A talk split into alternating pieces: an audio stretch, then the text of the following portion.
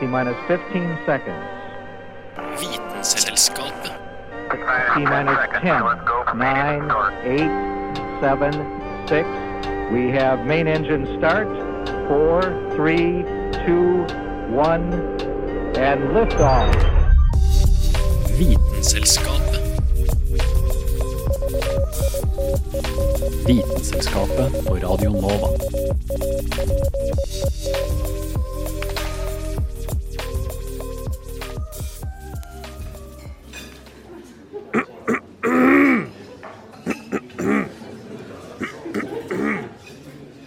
Velkommen, alle sammen. Det er Vitenselskapets julebord. Jeg er veldig glad for å se dere her, alle sammen. Nok en gang er et år gått, og jaggu er det mye spennende som har skjedd i forskningsverdenen. Men jeg er ikke sjefen som skal prate i vei.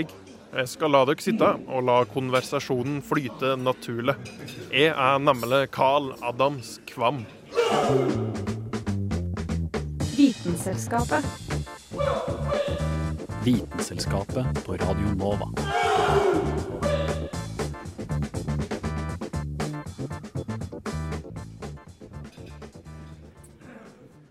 Uh, folkens, nå ble det litt ubehagelig stille her. Jeg veit at dere er en haug med nerder, men det er jo ikke så sabla vanskelig å være sosial. OK, trenger dere noe å prate om? Ja vel. Dere oppfører dere ikke helt som folk, eh, så hør her. En fyr som heller ikke er helt menneskelig.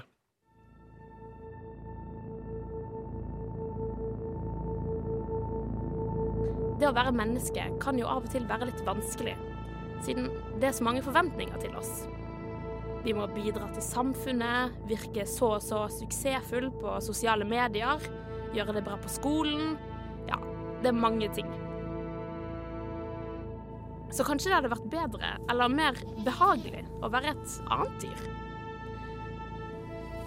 En mann ved navn Thomas Twaits prøvde dette ut, med å bli et annet dyr i en periode. Nærmere bestemt så bestemte han seg for å være en geit. Og grunnen for at han hadde lyst til dette, det var fordi at han ville gå vekk fra den iboende angsten av å være et menneske. Og få en ny måte å se verden på, og ja, egentlig få et helt nytt perspektiv av hvordan ting var. Dette var et slags eksperiment som han jobbet med i en lengre periode. For det å gå fra et menneske til en geit, kan jo man tenke seg at det krever en del. Men det han gjorde, han, eh, han bygde bein som han festet på armene sine og beina sine, sånn at han kunne stå på alle fire på en mest mulig behagelig måte. Og dette kostymet, eller disse beina, kostet rundt 30 000 kroner. Og med kostymet klart, så dro han opp til Alpene og bodde sammen med geiter i tre hele dager. Han gikk på alle fire, sov ute, spiste gress. Og ja, var en geit, rett og slett. Dette arbeidet gjorde at han også skrev en bok som heter Goatman How I Took a Holiday from Being a Human. I tillegg til det fikk han også en pris for dette, nemlig IG Nobelpris i biologi, som er en slags etterligning av den ekte nobelprisen. Så hvis du ikke har lyst til å være et menneske for en helg eller to, så kan du jo gjøre som Thomas og bli en geit.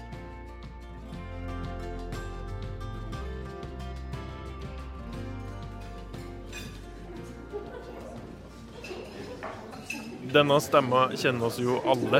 Tusen takk til Anna Vik Rødseth. Synd at hun ikke kunne være her i dag, altså. Men nå kan dere prate i vei.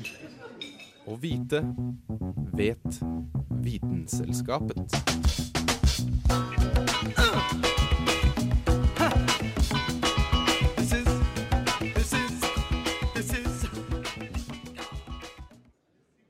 Seriøst, folk. Stille nå att. OK, jeg veit hvordan vi kan få opp stemninga. En drikkeleik. Vi kan høre dette knippet med artige fakta her, og så drikke oss hver gang vi hører en lydeffekt. Skål!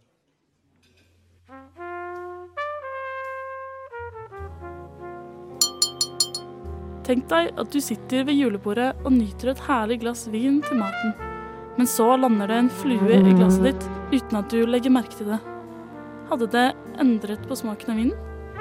Forskning gjort ved å legge bananfluer i glassene til vineksperter viser at det ødelegger smaken helt. Men bare hvis det er en av hunnfluene. Dette er fordi de spesifikt utløser et feromon kalt Z411AL, som blandet med vin gir en eddikaktig smak. Så for smakens skyld burde du unngå å tilsette fluer i vinen din.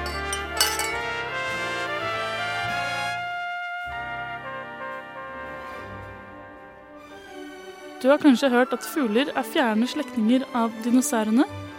Forskerne tror at fugler fortsatt kan ha mange likheter med dinosaurene, og har derfor gjort forsøk på høner for å finne ut av hva slags gange dinosaurene hadde. Det viste seg nemlig at hvis du fester en pinne på baksiden av en høne, kan du få den til å gå på en tilnærmet lik måte som det vi antar at dinosaurene gjorde.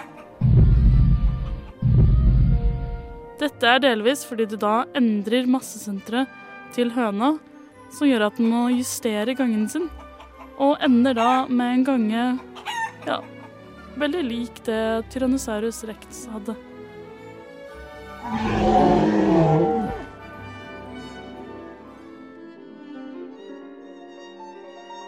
Til slutt kan jeg fortelle at da Henrik Ibsen lå på dødsleiet, sa sykepleieren til han jeg tror du begynner å bli bedre. Men da svarte Ibsen tvert imot, og så døde han.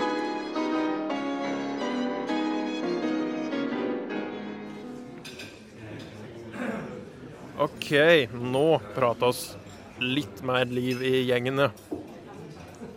Det var jo vår alles kjære Julianne Li Fjell som sto bak lyden. Hun er dessverre reist hjem til jul, så hun kunne heller ikke komme i efta. Vitenselskapet. Vitenselskap. Vitenselskapet. Vitenselskapet. Vitenselskapet.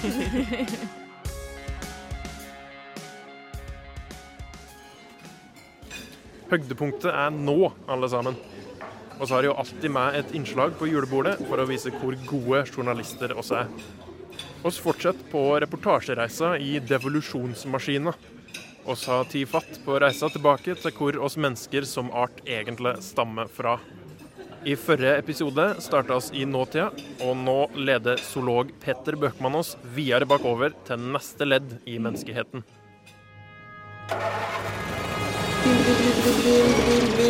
Flash, flash, flash.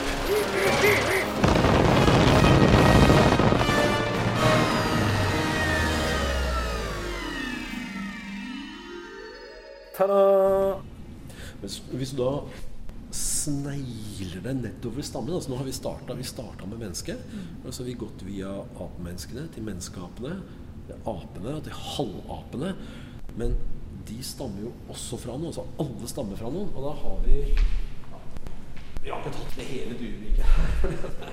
det er. Men vi har noen dyr som gir oss en ganske grei pekepinn over hvordan de første apene så ut. Det er de luringene som står her. Dette er spissmus. Og det er sånn Når du finner katta kommer hjem med en daud mus, så er det ofte en spissmus. Og grunnen til at katta kommer hjem til deg med den og ikke eter den sjøl, det er at den smaker vondt. Og, og den er lett å kjenne fra sånn spiss foran. Og den ser den, spiss foran som en lemur. Og hvis den der hadde klatra rundt i et tre og hatt, hatt gripehender og øynene litt ordentlig forover, ja, så hadde vi hatt en primitiv lemur. En liten primitiv lemur. Det fins et dyr som lever sånn og ser sånn ut. Det er noe vi kaller for trespissmus, som holder til nede i Malaysia. Det ser veldig veldig rare ut, men det viser at det er på en måte sånn Det fins tilsvarende dyr i dag som viser hele den der overgangen fra ape via halvape til trespissmus og helt ned til spissmus. Spissmus er et morkakedyr, sånn som vi er. Men det er jo ikke alle pattedyr som er det. Spissmus er på mange måter sånn basismorkakedyr. Noe særlig mer primitivt som morkakedyr enn det blir det jo egentlig ikke. Men det fins jo dyr som ikke har en morkake engang. Vi har jo da vi tenker på pattedyr som levendefødende dyr. De får levende unger. Det er det ikke alle som gjør. Der nede har vi nebbdyr. Den legger egg. Og det samme gjør maurpinnsvin. Ja, det ser ut som små sånn slangeegg eller firfislegg. Sånn læraktige. Størrelse med en tommeltottnegl omtrent. Og når du ut av så går det en bitte, bitte liten unge. For når plomma er brukt opp, så må de ut av egget. Altså de, de får ikke mat fra morkaka. De blir ikke svære, sånn som vi blir i mors liv. En kenguru, det er en trekenguru, men det finnes jo ordentlig kenguru. Voksen kenguru er så svær som jeg omtrent. Den får også en sånn unge som er sånn halvannen centi lang og blå gjennomsiktig og ser ut som en pølse med et par armer på, nærmest en liten trutmunn. Og det er fordi de også legger egg, de bare ruger dem ut inni seg. Så det som egentlig skiller oss fra de mer primitive pattedyrene, det er det at den plommesekken har vokst fast i mor, og så etterfyller mor plommesekken etter hvert som vi tømmer den, og så kan vi bli født som svære. Men i utgangspunktet så er altså pattedyr de, de har pels, ja. De gir melk til unga sine, det er derfor de kalles pattedyr. Og så var de eggleggende. Så det er eh, altså det, er, det, er ganske, det, er, det, er, ikke det vanlige trekket vi ofte tenker på som pattedyrtrekket. Det gjelder her. Når kommer du til Australia, så gjelder det ikke. I Australia bor selvfølgelig alle rare dyr. Akkurat som alle rare mennesker bor i Amerika. Forløperen til pattedyret er en gruppe som heter pattedyrlignende krypdyr. En sånn gruppe som, som ikke har noe særlig kontroll på, egentlig. I hvert fall ikke til vanlig. De fleste vet at fuglene stammer fra dinosaurene. Men pattedyrene stammer ikke fra dinosaurene. Men vi stammer jo også fra noen. Igjen, altså det er ingen som ikke har noen mor. Og disse pattedyrlignende krypdyrene er en gruppe som var vanlig før dinosaurtiden. Mange ganske svære dyr. sånn løve, neshorn-size type dyr som, som gikk rundt i, i verden. Og så kom dinosaurene. Og så utkonkurrerte de de svære dyra. Først utkonkurrerte de planteeterne, så kjøtteterne. Og så var det suksessivt de mindre og mindre og mindre av disse her som klarte seg. Og de begynte å grave seg et lite hull å bo i. Du ser her har du et skjelett som er nesten hele skjelettet. Grunnen til at du har helt skjelett, det er at disse her de laga seg lite hule, og så bodde de nede i hula si. Når det da har vært, denne daua, så har det vært storm, og så har den blitt fylt med sand, så får du sånne pene avstøpninger. som dette. Og det finner dyr som har ligget krølla sammen og viser at de har vært varmblodige. Du har funnet unge og gamle sammen som viser at de passer på hverandre osv. Så sånn finner du ikke firfislene. De ligger hver for seg. Pattedyr gjør sånn. så det det er trekk som helger med pattedyr. Men etter hvert som dinosaurtiden ruller fram, så ble sånn mindre og mindre og mindre. Og da dinosaurtiden var i full sving, så var de altså nede i spiss size. Og da fikk de god hørsel for å klare seg ut om natta. Akkurat de knoklene i kjeveleddet gikk opp til å hekte seg på, på uh, stigbøylen og ble til høreknoklene. Vi hører fantastisk godt. Altså Når jeg snakker nå, så snakker jeg 20 ganger lavere enn det dere hører. Det er 20 ganger forsterking i ørene våre. Som bare er en ren sånn mekanisk overføring. Det har ikke fugl, det har ikke krypdyr. De hører ikke så godt som oss helt enkelt. Så har de en fantastisk luktesans. Altså, ikke vi mennesker, fordi vi er først og fremst er sånn trelevende fruktspisere. Vi har et godt syn. Men pattedyr har i utgangspunktet god luktesans. Og så har de disse værhårene. Og det er alt sammen tilpasninger til å leve ute om natta. Dette er nattdyr. De var ute når dinosaurene lå og sov. Så pattedyr, sånn som vi er, det er et resultat av dinosaurtiden. Det er dinosaurenes feil at vi er sånn. Det er dinosaurenes feil at vi er varmblodige. Det er dinosaurenes feil at vi har hår. Det er dinosaurenes feil at vi har tre øreknokler. Det er dinosaurenes feil at vi ja, burde hatt værhår og hatt en fantastisk luktesans. Um, og så er det dinosaurenes feil at vi gir ungene våre melk. Ideen med å gi ungene melk er ikke for å være kul mot ungene. Det er for at ungene skal vokse opp fortest mulig i en verden med velociraptor og troodon og disse fæle dinosaurene. Så er det et lite musedyr, så blir du spist opp. Og du blir spist opp ganske tidlig i livet. Så det er ikke noe poeng i å leve, leve, leve lenge. Du må bare vokse opp lynfort og få unger. Og for å få til å vokse opp så fort, så kan ikke ungene samle inn mat sjøl.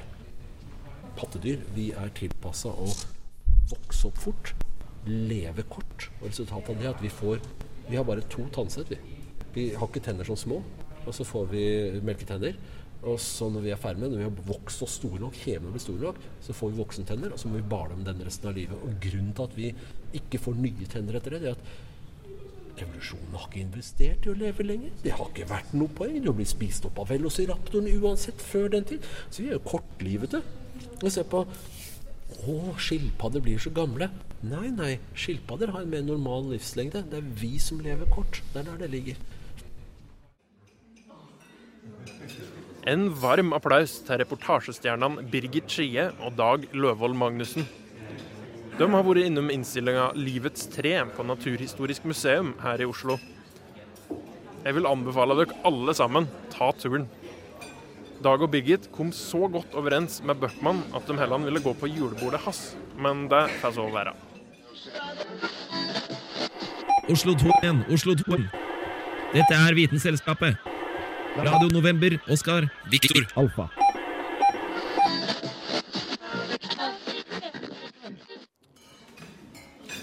Ja, nå var vi jo så godt i gang med å høre på radio at oss kan jo like greit fortsette.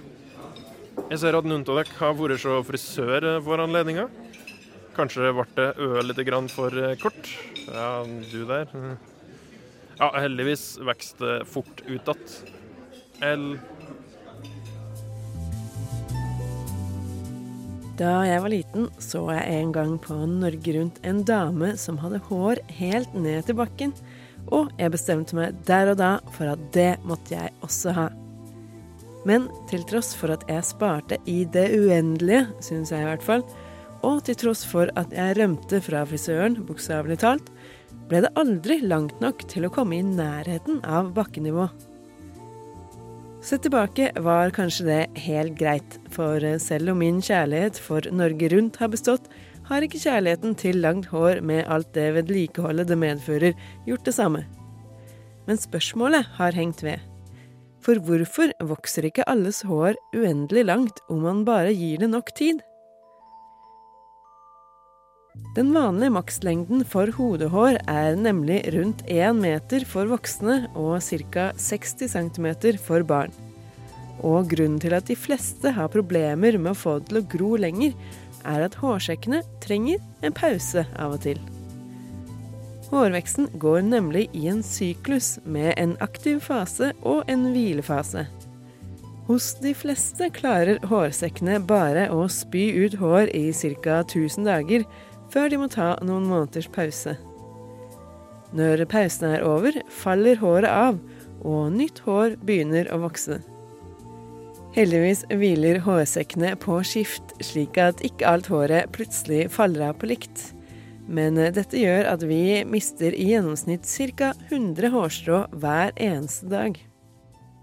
Selv om de aller fleste av oss ikke klarer å passere énmetersgrensa, som er ganske så langt, spør du meg, finnes det noen som klarer å spare ned til bakken, og vel så det. Xi Jinping fra Kina har rekorden for verdens lengste hår, som er utrolige 5,6 meter langt. Noen mennesker har nemlig gener som holder hårsekkene i den aktive fasen, slik at det kan gro og gro og gro.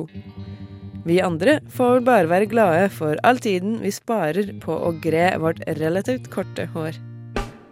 Give me a head with hair, long, beautiful hair, shining, gleaming, steaming, flaxen, waxen.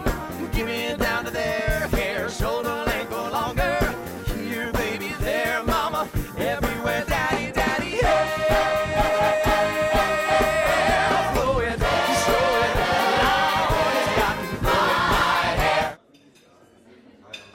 Kristin Grydland, nøye som alltid, insisterte på at jeg må gi dere denne tilleggsinformasjonen. Håret på Hugu vokser ca. 1 cm i måneden, og det virker kanskje ikke som så veldig mye når du først har vært uheldig med den nye sveisen. Heldigvis er det jo huvesesong nå. Og Kristin kunne heller ikke komme i kveld, for hun skulle gå og se på stein. Ja, stein. Dårligste unnskyldninga jeg har hørt. Vitenselskapet. Vitenselskap. Vitenselskapet. Vitenselskapet. Vitenselskapet.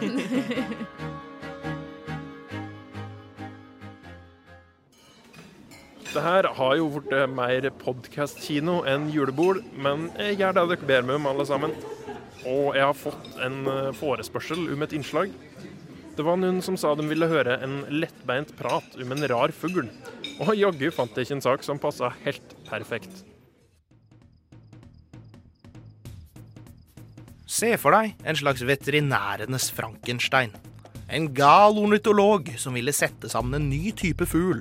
En fugl med egenskapene til noen av klodens mest unike fjærkre satt sammen til én. Hodet til en ørn, nebbet til en pelikan og beina til en flamingo. Og der, der har du i bunn og grunn treskonebb. Utseendemessig i hvert fall. For ingen har vel noen gang beskyldt denne krabaten for å ha synet til en ørn eller elegansen til en flamingo. Treskonebb er en fugl i ja, om man bare kunne vært helt sikre på hvilken familie den tilhørte, da. For opp gjennom åra så har nemlig dette vært et lite mysterium for forskerne. Og det er kanskje ikke så rart bare med tanke på hvordan den ser ut. Derfor, etter å ha vært plassert i forskjellige leire, er vanlig praksis i dag å plassere den i treskonebbfamilien. En svært så eksklusiv familie, kun bestående av nettopp treskonebber. I ferskvannssvampene i jungelen i Afrika liker den seg best. Der traver den rundt i høyt papyrussiv og bygger seg rede. Det gjør den gjerne ganske halvhjerta og klumsete, for det er slettes ikke uvanlig at redene raser sammen, og den må begynne på nytt igjen. Når den ikke bygger rede, er den som regel på jakt. Favoritten og hovedbestanddelen i kosten er lungefisk. Lungefisken dukka for øvrig opp for over 400 millioner år siden på kloden. Og grunnen til at den heter nettopp det, er at den har lunger. Og det betyr jo nettopp at den må opp til overflaten for å kunne puste. Og det er sånn den har blitt et byttedyr for treskonebb. For på tross av at treskonebb er et rovdyr, er den et av få av disse som jakter kun ved bruk av synet. Det triste i så måte er jo at det enorme nebbet hindrer den i ordentlig å se hva den skal jakte på. Oppsiden er jo at nebbet er så stort og sterkt at hvis den først får tak i noe, er det som regel dødt på sekunder. Men så er det det visse, da. Og det kan stundom føre til at treskonebbene flakser slukøra og tomhendte hjem fra jakta si. Måten treskonebbene fisker på, er avgjørende for å forstå den moderate suksessraten. For først så vader den seg ut i vannet. Så står den helt stille i lang tid på de lange storkebeina sine. Før den ved det minste tegn til bevegelse i vannet kaster seg hals over hodet ned mot vannskorpa og febrilsk klapser med det enorme nebbet sitt i forsøk på å få tak i det den nettopp har sett. Dette, som du kan tenke deg selv også, lykkes så som så. Som regel så har den vanskeligheter bare med å komme seg opp igjen etter denne manøveren. Men ofte nok får den tak i noe til at arten har overlevd, i det minste. Selv om det ikke er uvanlig å se en treskonebb i hektisk kamp med en mellomstor pinne, før den etter hvert oppfatter at dette slettes ikke er mat. Den spiser som regel fisk, men den kan også gafle i seg mye annet rart. Frosker, slanger, babykrokodiller, mus og mindre fugler er ikke uvanlig. Det foreligger også en rapport på hva man kan kalle en uortodoks treskonebb, som har jakta på og tatt livet av en antilopekalv. Men selv for verdens rareste fugl er dette ganske rart. Treskonebbene bygger som tidligere sagt rede, og det er der de legger eggene sine, som senere skal bli til nye treskonebber. Hvert kull består mesteparten av tiden av to egg, som klekker til to kyllinger. Og så slår den hjerterå naturen inn. For grunnen til at den legger to egg, er i tilfelle noe skulle ha gått galt med den førstefødte kyllingen. Gjør det ikke det, så er det som regel denne som blir den sterkeste av de to. Og i denne fuglefamilien så er det ingen nåde for minstemann. Han blir direkte hakka i hjel av storebror hvis han ikke peller seg vekk fra redet, og fra mor og far er det ingen medfølelse å få. Her er det evolusjon i praksis. Ironisk nok tatt dens uoffisielle motto i betraktning. Nettopp den særegenhet har gjort den til en ettertrakta skapning. Den er en skikkelig crowd pleaser både i dyreparker og på safari, og kan faktisk være bortimot folkekjær i rette omgivelser. En morsom detalj i så måte er at i visse dyreparker så har den vist seg å være den virkelige verdens svar på hippogriffen i Harry Potter. At så lenge man gir den et ordentlig bukk og får ett tilbake, så er det greit å klappe den lite grann. Selvfølgelig da i de dyreparkene de går fritt, da. For akkurat populariteten er i øyeblikket en av den største trusler. For det er jo engang sånn at populære dyr også er populære å stjele til seg fra naturen og eie. Og bestanden er sakte, men sikkert på vei nedover. Så får man bare håpe at folk snart tar til vettet og lar den være i fred der ute. For hvis først evolusjonen har glemt den, er det vel å kunne forvente at også vi kan la den leve i fred.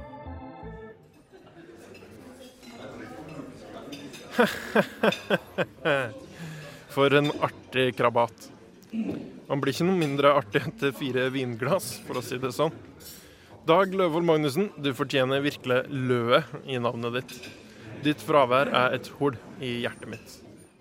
There's hydrogen and helium, then lithium, beryllium, boron, carbon everywhere, nitrogen all through the air with oxygen so you can breathe. Du hører på Vitenselskapet på Radio Nova. Magnesium, aluminium, silicon, phosphorus, then sulfur, chlorine, then argon, potassium, and calcium so you'll grow strong. Scandium, titanium, vanadium, and chromium, and manganese. Summe av dere er litt konspiratoriske i hvordan dere prater. Som om vi sitter her alene og hører på radio med gjengen fra Vitenselskapet og later som at jeg er en del av gjengen. Nei, det her er et ekte julebord. Jeg har bevis. Bare hør på den saken her, så ser dere at konspirasjonsteorier bare er tull.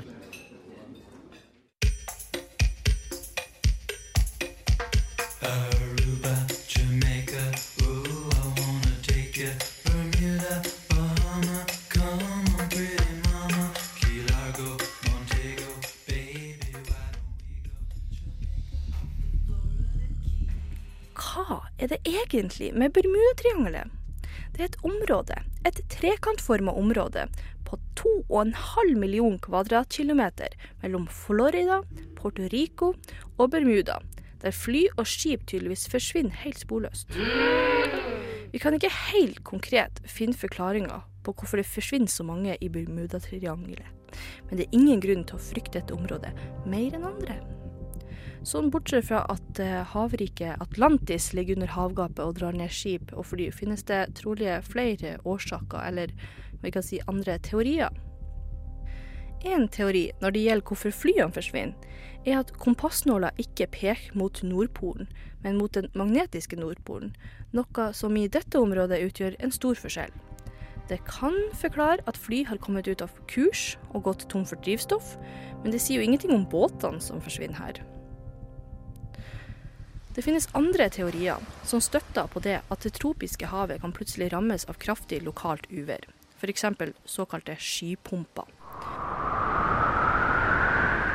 Og en som er mer interessant, er jordskred på havbunnen som er medfører til kjempeutslipp av metangass som gjør havet fullt av bobler, og som fører til sterke strømninger i forskjellige retninger.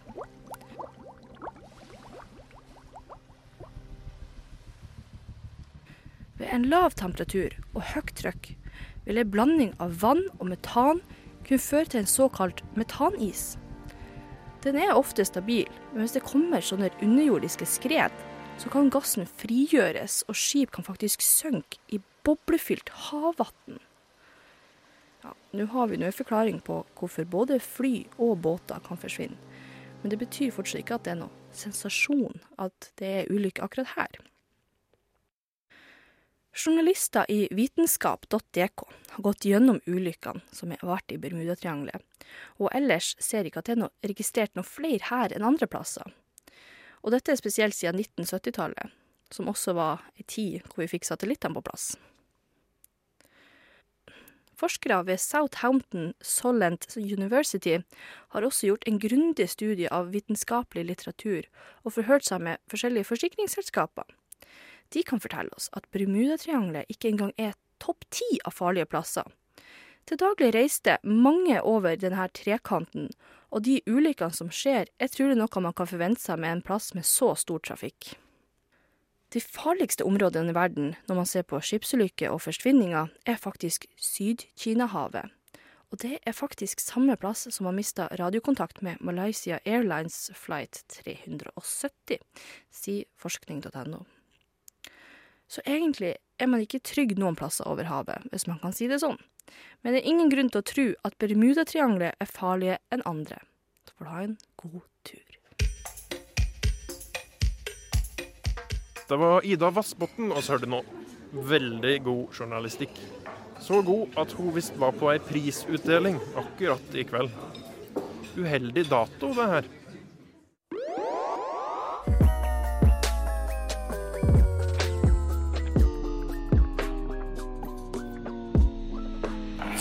Vitenselskapet. Ja, da er det vel slutten på kvelden eh, allerede. Takk til alle dere som kom, alle sammen. Jeg savna jo sjølsagt vennene mine Anna, Julianne, Kristin, Dag og Ida. Jeg håper i hvert fall alle ble klokere på hvordan å holde småpraten i gang på julebordet. Jeg håper dere husker det neste år, så kanskje noen av dem jeg inviterer, dukker opp.